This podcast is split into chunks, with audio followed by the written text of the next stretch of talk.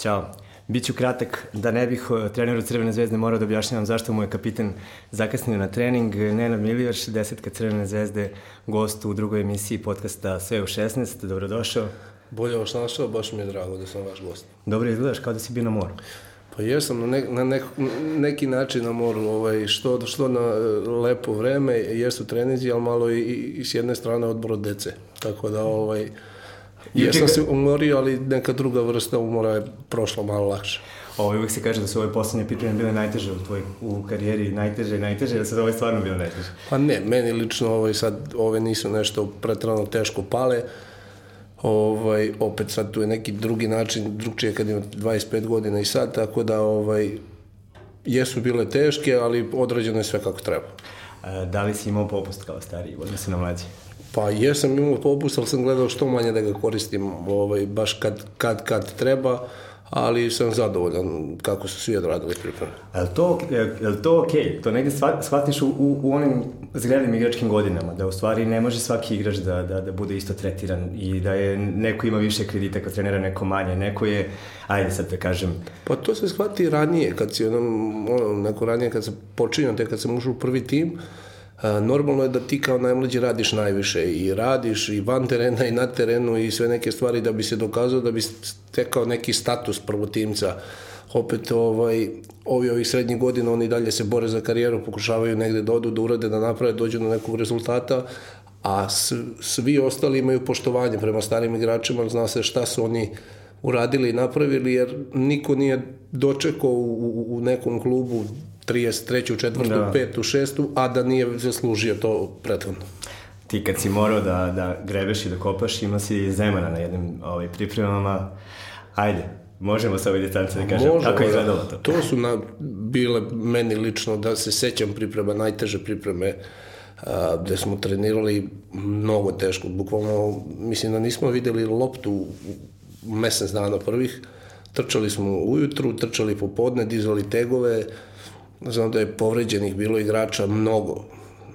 Mislim da je završilo priprema možda 7-8 igrača bez, bez povrede, bez propuštenog treninga i jeste bilo stvarno, stvarno teško. I sa ove distance deluje kao da e, nemaš više razumevanja za to nego, nego kad, kad si prolazio pre sve. Pa jeste i promenilo se malo vreme priprema i odnosa trenera prema igračima, prema futbolu. Futbol se menja, napreduje, e, nema više toliko tog suvog trčanja, možda na početku nekih sedam dana, posle toga se radi na detaljima, igri s loptom, taktici, jer to postaje sve bitnije i bitnije u futbolu, tako da promenio se sistem priprema u odnosu pre 10-15 godina. Dobro, reci mi, uh, jedan od uh, klinaca koji je bio tu ima tvoj poster, ovaj, otprilike kad si bio kod Zemana, a sad ste radili zajedno. Ovaj, kako ti uopšte ta uloga tvoja najstarijeg u timu i, i neko ko uđe kad je teško da možda reši jednim potezom i ostalo da se snalaziš u svemu tome i da li je to možda taj E, korak ka onom konač, konačnom iskoraku ka trenerskom poslu? Ma normalno, da, snalazim se, dosta mi je lepo, stvarno, a, poštuju me svi igrači, ja pokušavam da budem što bolji s njima, da im dam neke savete koje opet na njima da li će ih prihvatiti, neće prihvatiti, moje da pokušam da im pomognem, jer stvarno ima dosta talentovane dece i ja sam sve to negde prolazio i već prošao, tako da a, za sad su oni dobri i meni čine da mi taj neki period bude mnogo lep i E, kažem, i dalje se osjećam kao igrač do tog leta, na leto najverovatnije ću, najverovatnije sigurno ću ovaj, presliti i pokušati nešto drugo, ali ovaj, želim, imam i dalje ciljeve i dalje se osjećam tako da želim da osvojimo tu duplu krunu koju dugo čekamo i da to bude neki najlepši mogući način da završimo. Ne pitaj me kako, ali čuo sam da planiraš oproštaj. A, pa da planiram oproštaj, ko oproštaj, nisam nešto planirao, razmišljao o tome opet, ovaj, mnogo dugo sam mnogo dugo sam u Zvezdi i ja bih voleo da me sled, sledeće što pre neko ovaj, zaobiđe i što se tiče trofeja i što se tiče utakmica odigranih, ali menja se baš to vreme, mnogo se kratko ljudi zadržavaju ovde, a, mnogo malo budu u Crvenoj zvezdi. Ja kažem, ja sam najlepši deo života proveo ovde, tako da a, najlepši bi mi oproštaj bio ta dupla kruna. Nek se potrude sa igrači da mi ga ispune. Oni koji budu igrali protiv, e, posle tebe morat će da znaju da je Pjanović dao 99 golova za Crvenu zvezdu, Darko Pančev 97, a Nikola Živikić više nije ispred tebe. Kad sam pisao tekst 2013. bio ispred tebe, uh -huh. znači ti, ti si otprilike od raspada uh, stare Jugoslavije uh, treći najbolji strelac Crvene zvezde sa 68 ako, ako dobro dobro vodim. Uh, koliko je to bilo teško, s obzirom na period u kom si igrao, nisu sve sezone bile jednako stabilne i ostalo i kako je to zadalo iz sredine terena? Pa nisu bile stvarno ovaj, uh, taj period, drugi moj boravak u Crvenoj zvezdi je bio jako težak za klub, gde su navijači i, i igrači i sam klub, ta ljubav koja postoji prema Crvenoj zvezdi uspela da održi klub. Uh, u tom nekom periodu smo osvojili jednu titulu koju niko ne, to je, ja kažem, izdvajam tu titulu, svaku volim, ali ta titula je s jedne strane bila neki način najteža posle jedne dominacije, gde mi nismo ovaj, dugi niz godina uspeli da dođemo do toga i stvarno smo bukvalno presrećni bili s tim. Ja ti žao što se ta ekipa tako raspala? Stvarno je bila jaka. Kad pogledaš imena, to su sve igrači koji su, koji su bili zvezdaši i pritom bili formirani i, i, i željni da to završe tih pa, sedam godina bez, bez pa, titula. Bukvalno je zbog te želje se iskupila ta ekipa, mislim skupila, napravila. Čuli smo se mnogo između telefonom, dođi, treba da dođeš, trebaš nam i na taj neki drugarski način se i napravila takva jedna ovaj, atmosfera između igrača i stvarno je bila teška godina što za igrače, što za navijače. Nismo lako osvojili titulu, bila je baš teška, teška titula, tako da dosta igrača koji su imali neku mogućnost, bilo i stranaca koji su, ja razumem njih, oni dođu da igraju ovde zbog novca, tako da posle tog nekog uspeha normalno je s jedne strane da oni pokušaju da odu negde. Ali možda uporediš ekipu koja je tad morala da se rastane i onu koja je ušla u, u, u Ligu šampiona, e, to su dva odlična tima. Ma dva savršena tima, ali da upoređujem, ja kažem sad ovaj tim uh, može neko da, da hvali, da osporava, da bilo šta priča o njima, ovaj tim je najbolji tim Crvene zvezde u, u, u tih zadnjih 25 godina, jer su oni to uspeli da naprave, ova generacija uspela to da napravi takav uspeh koji se čekao, a mislim da je iz godine u godinu bilo sve teže i teže doći do Lige šampiona. A, ti si previše skroman i ti to nikad nećeš priznati, ali Crvena zvezda u poslednje vreme osvajala titule kada si ti bio u klubu, ajde da kažem. Jedna je, pro, ti je promakla ono kada je Lune bio kapitan i prošla sezona kada ste, ja mislim, prvi put u istoriji Zvezde, nije bilo Zvezdino proleće, nego, o, ne prošlo, nego preprošlo, izvini. A, rekao si tada da, da su se neke stvari dešavale i da ste zbog toga ovaj, ostali bez titula. Možeš sad da se osvrneš kako je bilo to proleće? Šta se desilo tada? Pa dobro što se toga tiče, ja kažem, Crvena zvezda je u tom periodu dve godine bila prva i na kraju zadnjih tri kola izgubila titulu. Pali smo taj drugi deo sezone, dozvolili smo Partizanu u smislu da nam se približi, da vidi neku svoju šansu i nadu da uopšte dođe do titule. A, živeli smo bez pritiska dve godine, u smislu toliko smo bili nadmoćniji i nismo dolazili u, u, u taj neki problem da bi na kraju ovaj, ušli u taj problem i nismo uspeli da završimo prvenstvo kako treba. A, jako, jako smo teško to podnali, normalno, bukvalno zato što u Srbiji u 95% slučajeva ako je neko u decembru prvi taj završi prvi redko kad se desi taj neki preokret posebno tako da se ne znam da li se ikad desilo da se titula u zadnja dva kola, tri kola promene vlasnika. A Gro Božović je, ja mislim, poslednji trener koji je podneo ostavku. Uglavnom, uh, treneri čekaju da, da, da budu smenjeni kada krene loše i sve. On je došao jedan dan i rekao, dobro dan, ja više nisam trener i, ovaj, i, i otišao. Kako igrači to prihvati? Pa mi smo lično imali jako dobar onda sa Grofom. Uh, on je čovek koji razume igrače, koji zna šta igrači misle, kako osjećaju, šta rade, bukvalno više se druži sa nama nego što je trener.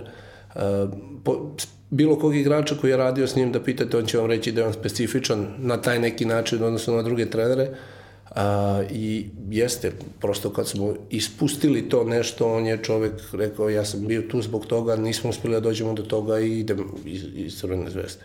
Kad sam se spremao za ovu emisiju, ovaj, pokušao sam da pogledam mi se koliko si sve trenera radio i, i ne znam, kad pogledam koliko ih je skoro kao saigrača ih imaš, ono, šta te tera da, da se baviš tim poslom? Pa ja iskreno, kad bih ja sad trebao da nabrojim ovako brzinski da ne razmislim, da ne, da ne razmišljam, da nemam papir i olovku, mislim da bi zaboravio ne jednog nego više, iskreno.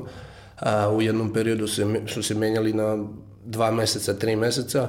Meni je zbog toga drago sad što je, ajde, i Grof je bio dugo, Milo je jako dugo, ja se nadam da će ostati još duže, jer um, samim tim kad je trener duže sve bude bolje i ekipa se više razume i napravi se jedan kostur tima koji ostane duže.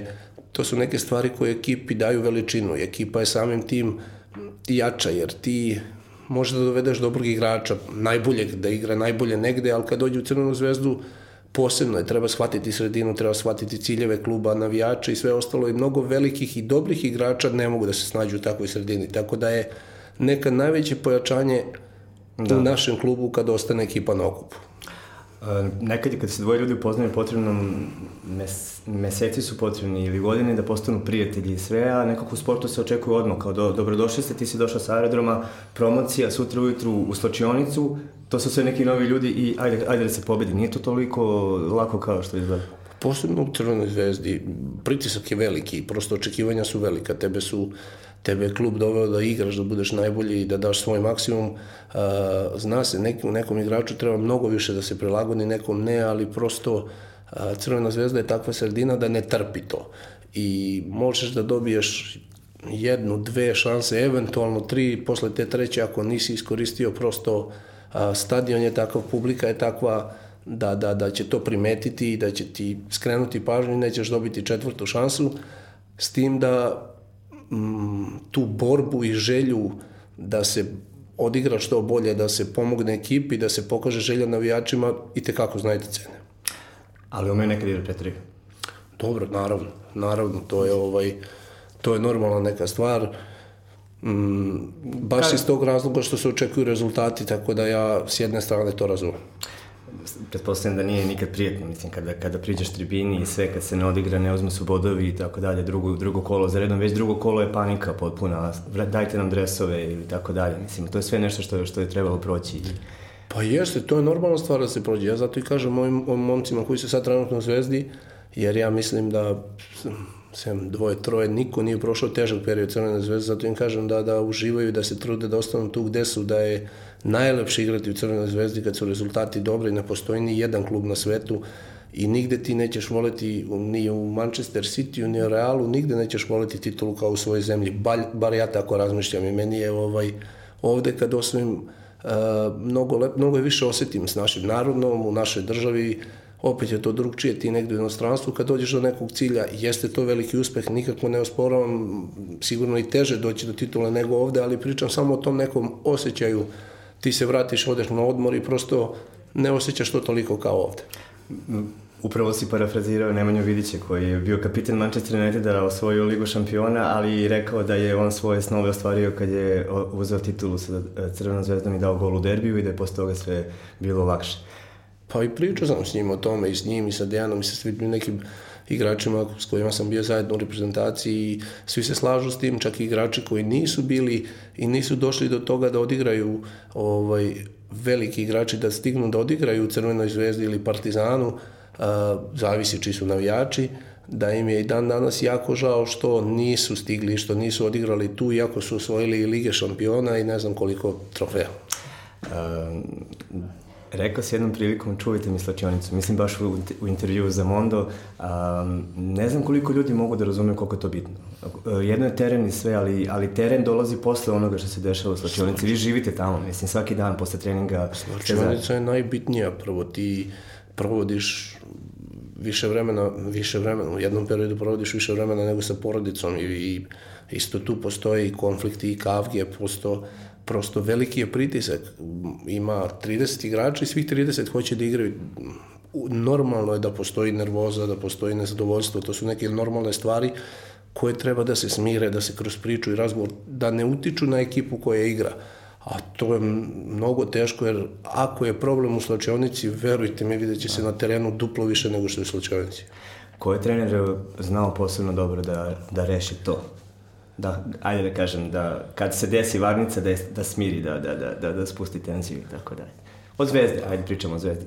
Pa ajde sad s te strane, ovaj, zavisi sve od vremena, ne mogu da kažem, postoji neka crvena zvezda koja imala mnogo futbalskih zvezda koji su imali e, svako je hteo da igra mnogo više, kažem, evo sad se napravila takva atmosfera da se kaže da je ekipa, pričamo o ovoj sad generaciji, da je ekipa mnogo jaka, mnogo igrača ima i ostalo, ali stvarno tih varnica ne dolazi i bukvalno šef zna to da smiri i sa mnogim tim nekim igračima je radio u mlađim kategorijama ili ih poznaje odavno, ako nije on, radio je Kosan i prosto to je neka grupa igrača.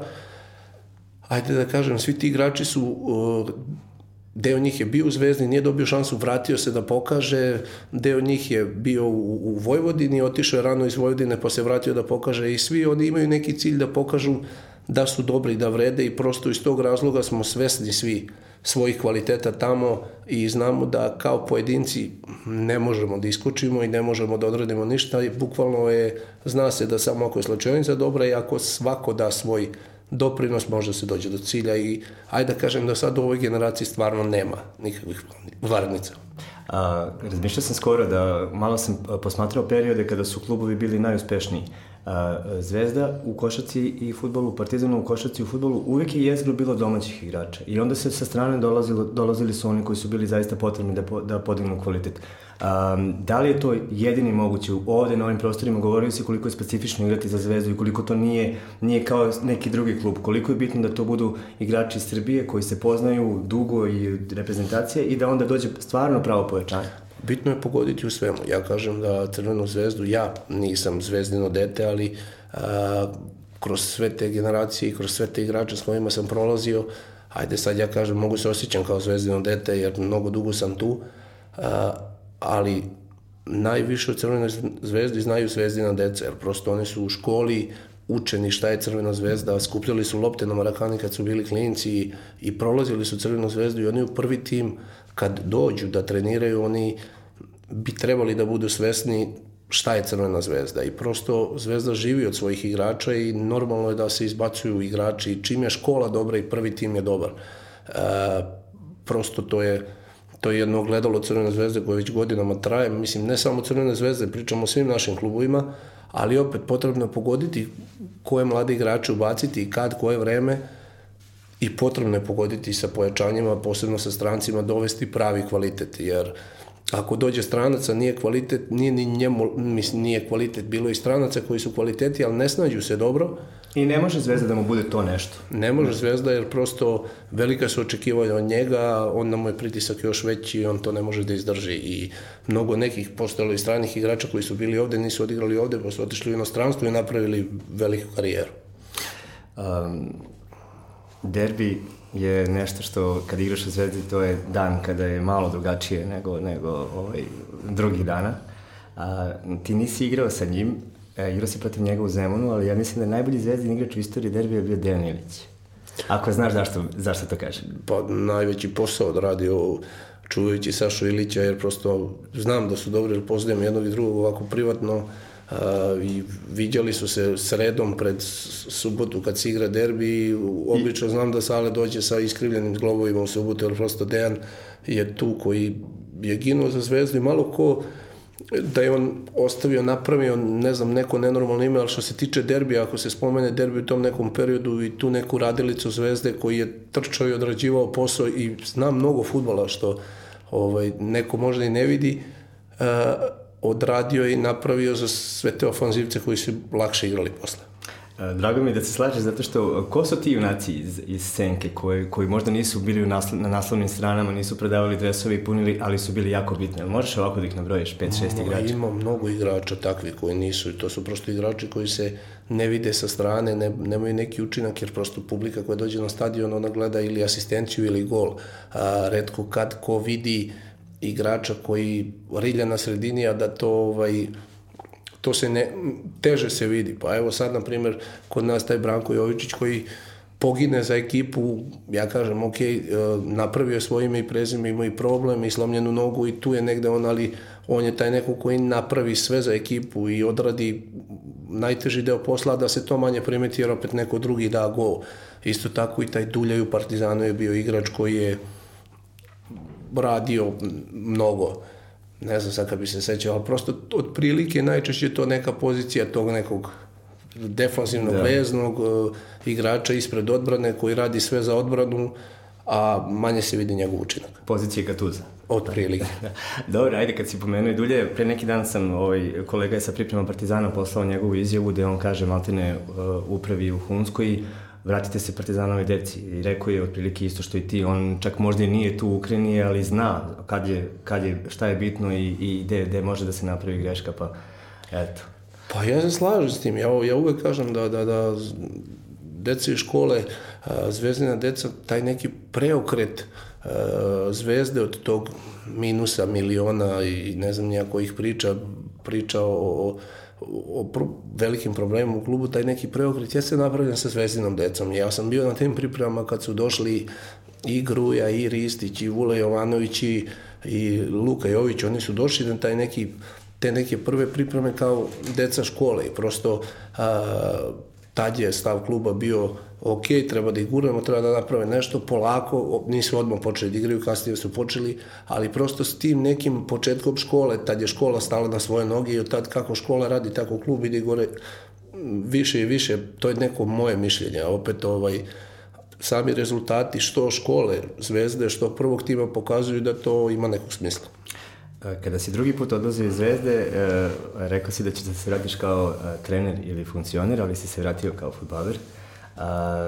I bez obzira što u tom trenutku je Zvezda imala i dug prema tebi u financijskom smislu, ali sećam se izjave da, da u Zvezdu, Zvezdu nisi došao zbog love, da si lovu uzao na drugo mesto i da, da to nije nikad bio motiv, pa Jel mogu klinci da razumeju to, kad im stigne prva ponuda da, da pa malo im se zavrti u glavi? Ne znam da li neko može ili ne može, ja lično nisam nikad potencirao ni dugove kad sam odlazio, ni kako sam ja završio s tim dugovima, ni ostalo. To, znam ja, znam klub, to je neki veš iz kluba, što ja kažem, ja te stvari ne idu van kluba, ja ne volim da pričam nikad ništa što je naše, to je naše, ok, stvari koje idu u javnost, prosto tako sam vaspitan.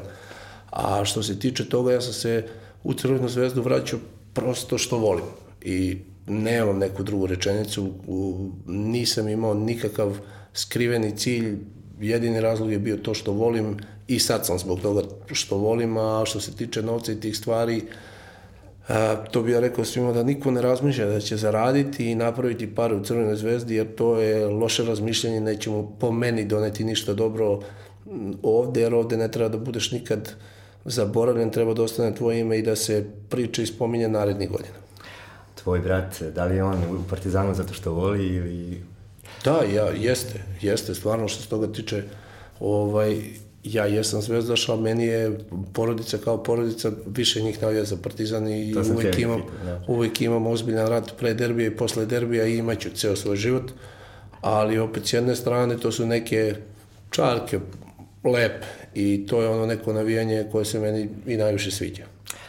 Pomenuo si porodicu, juče kad sam te zvao da, da, da, da se dogovorimo u vreme kad ćeš doći, nisam mogu da čujem od galame, od klinaca i tako dalje i onda sam malo listao neke bivše tvoje intervjue i pomenuo si Kseniju, porodicu i, i uopšte koliko je to bitno, koliko je bitno da, da futbaler bude emotivno i, i na bilo koji drugi način miran, zadovoljan da bi na terenu pokazao ono što treba. Pa kao u svakom mogućem poslu koji, koji čovjek radi, ako si srećan u svojoj porodici, ako si srećan u svojoj kući sa svojim roditeljima, sa, sa suprugom, sa decom, najnormalnija je stvar da ti ne razmišljaš o nekim drugim stvarima kad radiš svoj posao, tako i u futbolu, samo što u futbolu ide sve mnogo brže nego u normalnom poslu, ne traje period od godinu dana, nego je od sedam dana i tu se nešto mnogo pre pokaže, tako da bukvalno bilo koja čarka, problem odrazit će se e, da li na tvoje ponašanje na treningu, da li ponašanje prema saigraču, što opet utiče na tu slučajnicu o kojoj smo pričali, tako da to je jako, jako bitna stvar da se ti osjećaš miran, staložen i srećan. Jer prosto šta može da ti bude lepše od tvoje porodice, od tvoje žene, dece, da se poigraš, igraš s njima, mislim da nema lepše stvari. Jesi u toliko stabilan i srećan? Ja jesam presrećan, da. Jeste naporno, ja sam u nekoj varijanti kad imam troje male dece, njih dvoje po tri godine, ona na godinu i dva, tri meseca, i bukvalno jurjamo po ceo dan. Ja kažem, ja sam sad s priprema došao na ove teže pripreme kući. Ali najteže je bilo Kini. Pa jeste, da. Psihički i ostalo jeste bilo najteže u Kini, opet daleko si.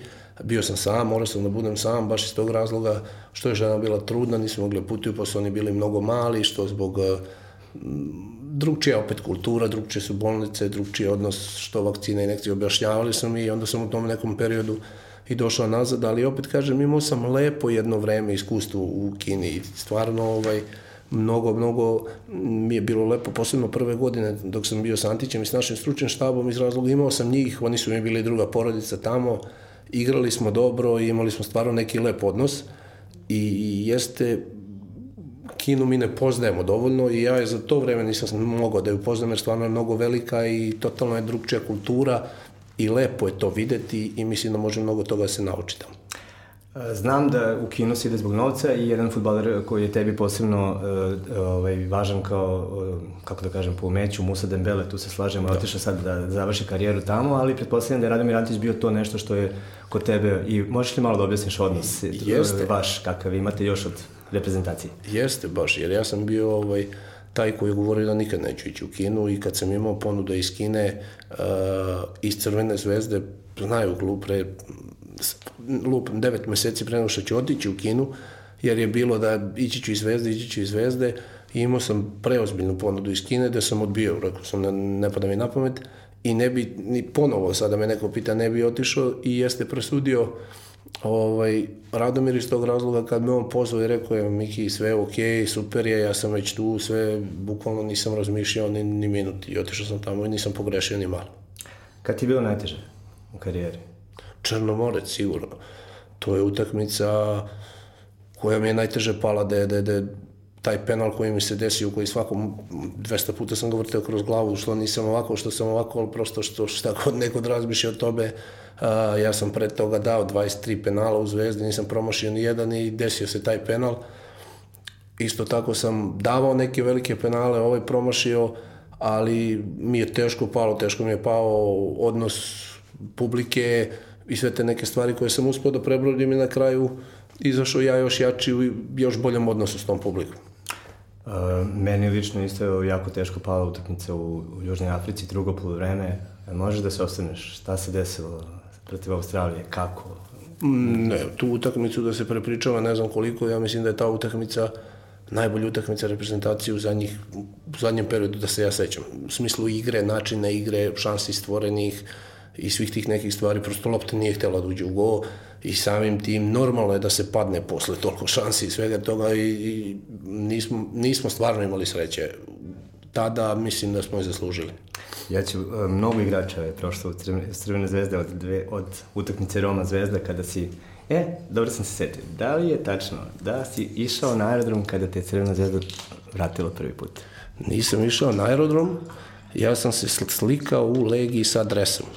Bukvalno sam imao dres, broj 10, savršen ugovor i tad me je zvao Dragan Stojković i on me je pitao da li bi ja došao u Crvenu zvezdu. Ja sam rekao odmah, u smislu odmah i on me pitao gde si, ja rekao sad sam se slikao s dresom, ali nisam potpisao, trebam da prođem preglede. I bukvalno sam gledao da pobegnem, da nađem način da pobegnem odande gde su ljudi bili savršeni prema meni, ne mogu stvarno da kažem ništa loše, ali Crvena zvezda je Crvena zvezda i samo što sam pitao predsednika, ali mi obećavate da ćete se dogovoriti sa Zemunom, da, ne, ne, da se ne vratim, da ne ostanem u Zemunu, on im rekao, to nemoj da brineš, to je već sve dogovoreno i spakovao sam se sutra ujutru, začudio i agenta i sve ostalo u klubu, ali vratio se u Beograd. Pixi zvao, Pixi obećao, Pixi ispunio i na tebi je bilo samo da, da uradiš ono zbog čega si doveden. Pa jeste, bukvalno, mada nije mi bilo lako, bila je mnogo jaka ekipa, Zenga je bio trener kad došao sam na pripreme i bukvalno sam dobio šansu da igram na pripremama odma uh, levo krilo. S jedne strane me to smetalo, ali uf, nisam razmišljao o tome da ja pitam nekog zašto šta igram. Dobio sam šansu da obučem zvezdin dres i da igram i još da pitam šta igram.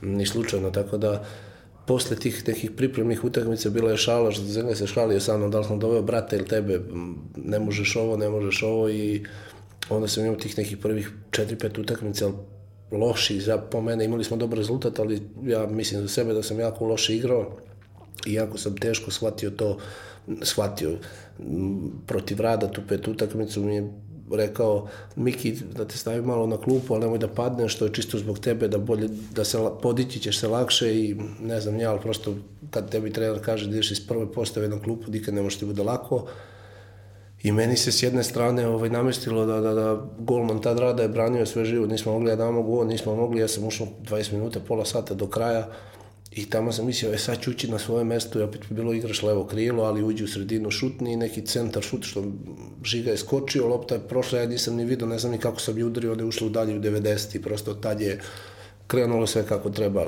Treba igraču takva neka sreća i neko samopouzdanje.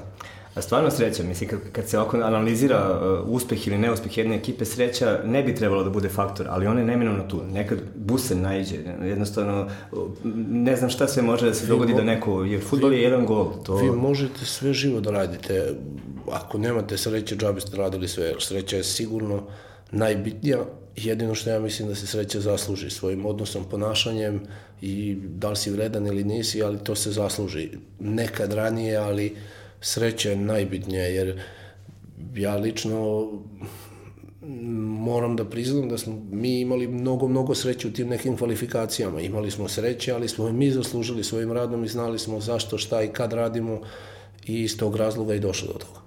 Uh, pred odlazak, u stvari tvoj odlazak, odlazak iz Crvene zvezde u Wolverhampton je bio nekde i početak e, Partizanove dominacije. Te sezone moglo jasno da se vidi da Zvezda već klimava dosta i sve, ali ti si dao 23 gola u Crvenoj zvezdi u kojoj su e, futbaleri pokušali da odu na aerodrom, ako je to tačno za parkera ili, ili ovaj, ostajali bez stanarine, izbačeni na ulicu i ostalo. Jel možda se setiš te sezone? Pa jeste, bilo jako teško finansijski. Ja ne volim da pričam uopšte u tom periodu Zvezde, kad je Zvezda kao klub bila takva, meni ne prija sve to. Bilo je teško što finansijski, što se tiče organizacijono i, svakako, bilo je teško i u slučajnici, ne kažem da smo ni mi igrači bili, sa uopšte ne kažem, ali bilo teško, prosto kad je teško u klubu, teško je svima, teško je bilo i navijačima. Ja jesam igrao dobro, što se kaže i tu sezonu u Crvenoj zvezdi, ali bilo je tako da nismo mogli da dođemo do rezultata, a možeš da igraš kako god, ako nemaš rezultat, kao da nisi ni igrao. Zato što postoji nešto što je energija ekipe i onda pojedinac, čak i ako ima najbolju sezonu u karijeri, ne može sam da podigne ekipu na viši nivo, nego negde ona vremeno spusti njega dole. Pa iz tog razloga i pričam stalno da je slačionica bitna jako i da je to tih 3 da nije 11 igrača, nije 5 igrača, nije jedan igrač, prosto jeste 20 kusur igrača i ceo stručni štab i svi ti ljudi i fizioterapeuti i, i ekonomi i svi negde njih zaborave i oni donose i daju svoj doprinos. A, ja bih sada te zamolio da pogledam po jednog igrača iz svake generacije s kojom si igrao, da mi kažeš nešto zanimljivo o njemu. Evo, da krenemo na traške red. Ne, ne mora ništa škakljivo, ali... Može, ali može. Vujedin Savić. A, Vujedin Savić. Pa srčan, dečko iz Beograda, dečko koji mnogo voli zvezdu i kome prosto ta njegova ljubav pomogla da on odigra kako je odigrao u Crvenoj zvezdi. Moje neko mišljenje i uh, koliko je njemu dala Crvena zvezda, on pokušao da vrati Bordeo. Luis Ibanez. E, projekit strašan, ja lično njega nisam kačio, ja lično u Zvezdi, jesam malo na treningu, ali on odlazio, ovaj, ali što ima dosta priča o njemu, jedan ofansivni bek, više krilo nego bek koji je odigrao super, super to što je bio u Zvezdi. Legendarni golman Crvene zvezde Boban Bajković. A, s Bobanom, Bobanom sam prošao baš dugo, dugo, dugo i dan danas sam dobar s njim. To je, to je u tom periodu bila jedna maskota Crvene zvezde. Mislim da kad nikomu nisu znali, znali su Bobana Bajkovića i on je došao kao klinac ovde i porio se dugo, dugo da bi dobio šansu i, i svi za njega pričaju. Neozbiljan ovakav, onakav, ali verujte, Boba na treningu je drugči Boba nego u javnosti i mnogo je dobro.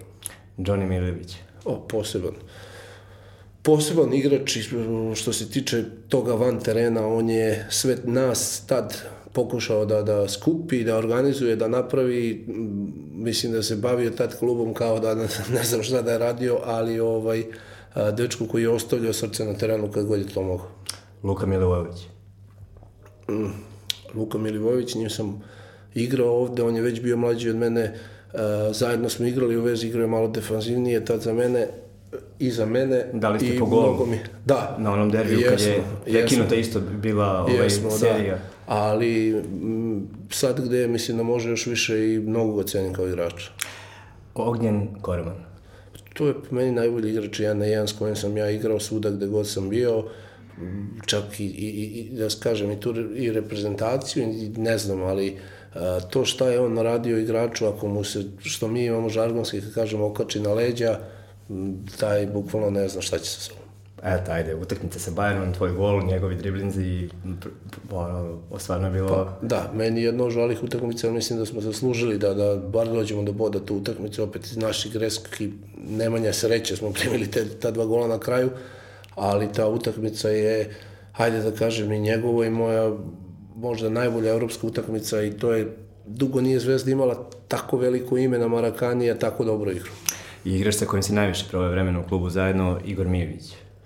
A, da, jeste, da, on je, on je dugo tu, da nije, nije, ovaj... Si ga vidio nekako? Bio, jesam, da, da, da, jesam, jesam, on je bio s nama na pripremama, pišao na pozemice, ali znam da je dugo bio i, i dan danas je ovaj, tu u klubu, gore.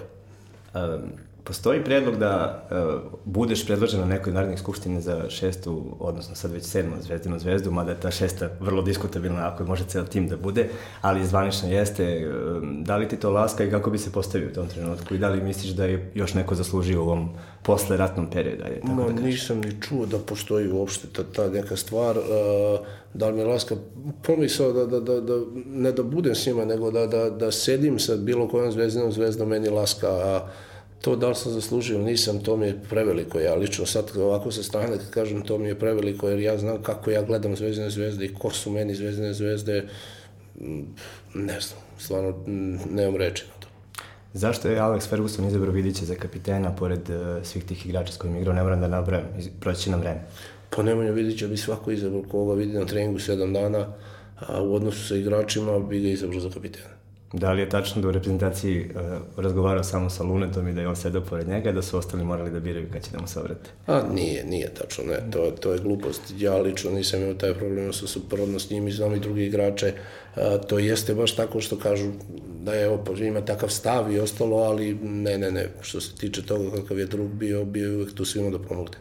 Dobro, ajde sad reci ovako kao neko ko je proveo mesece ili godine odvojen od porodice i svega, ta situacija u Južnoj Africi sa cigaretama, pivom i, i, i ostajanje, i ostajanje uveče, to um, način na koji ekipa iz Srbije možda i treba ili mora da funkcioniše ili to bilo glupo s vaše strane? No, nije bilo glupo, ne mogu kažem, mislim, ajde, bila je glupost kad nam si neko sliko da, ali to je, to je priča posle utakmice, to je priča da ima 10, 12, 15 igrača, da nismo imali kog gde da uđe i prosto to je, uh, svane u našim novinama 5 dana posle toga, ne kad smo mi odigrali i uradili nešto, nego posle toga, ne posle pobede, nego posle poraza. Tako da, ovaj, s te strane, to je bilo prošlo i to nije samo kod nas, to imaju, mislim, sad stalno je neko kriv oko toga, to se dešava i, i u drugim nekim zemljama i to je nešto normalno posle pobede kad imaš 7 do 10, ne znam, ja imaš, imaš vremena da odmoriš do sledeće utakmice, tako da to, što se tiče toga, mislim da nije bio neki veliki problem. Kakav je Zvezdan Terzić za saradnju? Meni je odličan, ja stvarno nemam nikakav problem s njim, njega poznajem dugo čak i dok je on bio u Ovku i ja sam bio čak i dete u Zemunu, bio je Vlada Bulatović s nama, meni neko bitan, pa su imali neki korektan ono, tako da dugo znam mm, veliki futbalski radnik, čovjek koji je napravio u Crvenoj zvezdi nešto što niko nije pre njega i svi moraju da mu skinu kapu zbog toga i ja prvi vrednujem i cenim svaku njegovu reč iz tog razloga što čovjek, to je čovjek koji ima rezultat, koji ima neku viziju, i koji uspeo da ispuni tu svoju viziju na kraju. Zašto je Vlada Miljević uspešan? Pa zato što je takav kakav jeste, zato što veruje u svoj rad, u svoje saradnike, u svoje igrače, što je pravedan, što zna da je dao sve na terenu šta je mogao, pripremio svaki mogući delić što svoje ekipe, što protivnika i što veruje u svoju ekipu i svoj tim i ne plaši se nikoga. Da li se slažeš da posle svega što je uspela ova generacija Crvene zvezde vreme za jednu pobedu u derbiju? A ne da je vreme za pobedu u derbiju. Ja pričam o tom derbiju, mi smo a, dužni našim navijačima dobru igru, ajde, dobru igru u derbiju, našu prepoznatljivu igru, jer mislim da prošle derbi nismo odigrali kako treba i inače ovako sad bilo koga sa strane da pitate da smo kvalitetnija ekipa. Mm, ko je najbolji igrač Partizana protiv kog si igrao? Saša Ilić. Vi će Saša se negde... sigurno. Možda je bilo reči i prošle godine da je kao poslednji, ali evo, izgleda da, da, da on se igralo još jedno i da ćete se sada pozdraviti. Ne, ne, on, on je ovo više to puta radio, ja s te strane nisam, ni, prošle godine nisam bio siguran, ja nisam ni rekao nikada da ću sigurno, ovaj, nisam, nisam znao, nisam napravio bilo kakav plan za ovu godinu, što sam rekao, stvarno jesam rekao, a što se tiče Saša, on može još da igra, on je ovaj, ok, Saša bi mogao još malo da igra. Da li je bitno da se rivalitet između Zvezde i Partizana vrati u nešto što je bio i da li se slažeš da je otišao možda predaleko i da je izgubio neke, neke okvire sporta i, i, i viteštva? Pa dobro, s te strane slažem se. Ja bih volio da dođe ovaj 100.000 ljudi na stadion kad se igra Zvezda i Partizan da čuvaju četiri policajca kao što je to bilo što meni priča otac kako je to bilo nekad ranije, ali prosto sve je drugačije, drugačije vreme, drugačije država, drugačije su sve te neke stvari što se odnosi na derbi. Samim tim, ja bih volio, ja sam najviše volio da odigram a, miran derbi, derbi bez ikakvih problema, ali taj naš derbi donosi nešto sa tim, a, s tom bakljadom, s tim natpisima, s tim svađama, pričama pre derbija, s tim normalnim nekim čarkama u kafićima, ali prosto vi u inostranstvu gde god odete, ljudi znaju za naš derbi. To znači da je on s jedne strane dobar i bukvalno u derbiju kod nas nikad ne odlučuje ko je bolja ekipa, nego taj dan ko se namestio bolje, jer ja sam igrao derbi, što se kaže, kad sam bio i lošiji od Partizana, kad sam bio mnogo bolji, nikad nije se znalo ko će pobediti. Hvala ti što si bio gost. Mislim da bi sad trebalo da kreneš na trening. Da, ne, bih, evo, ne bih imao argumente sa, sa trenerom da porazgovaram. Ne, tako da. ne bi sigurno. Dobro, hvala. neki drugi put možda i pred oproštaj. Naravno, nikako. Dobro došao si uvijek. Hvala puno. Do sledećeg puta. Ostanite uz Monta.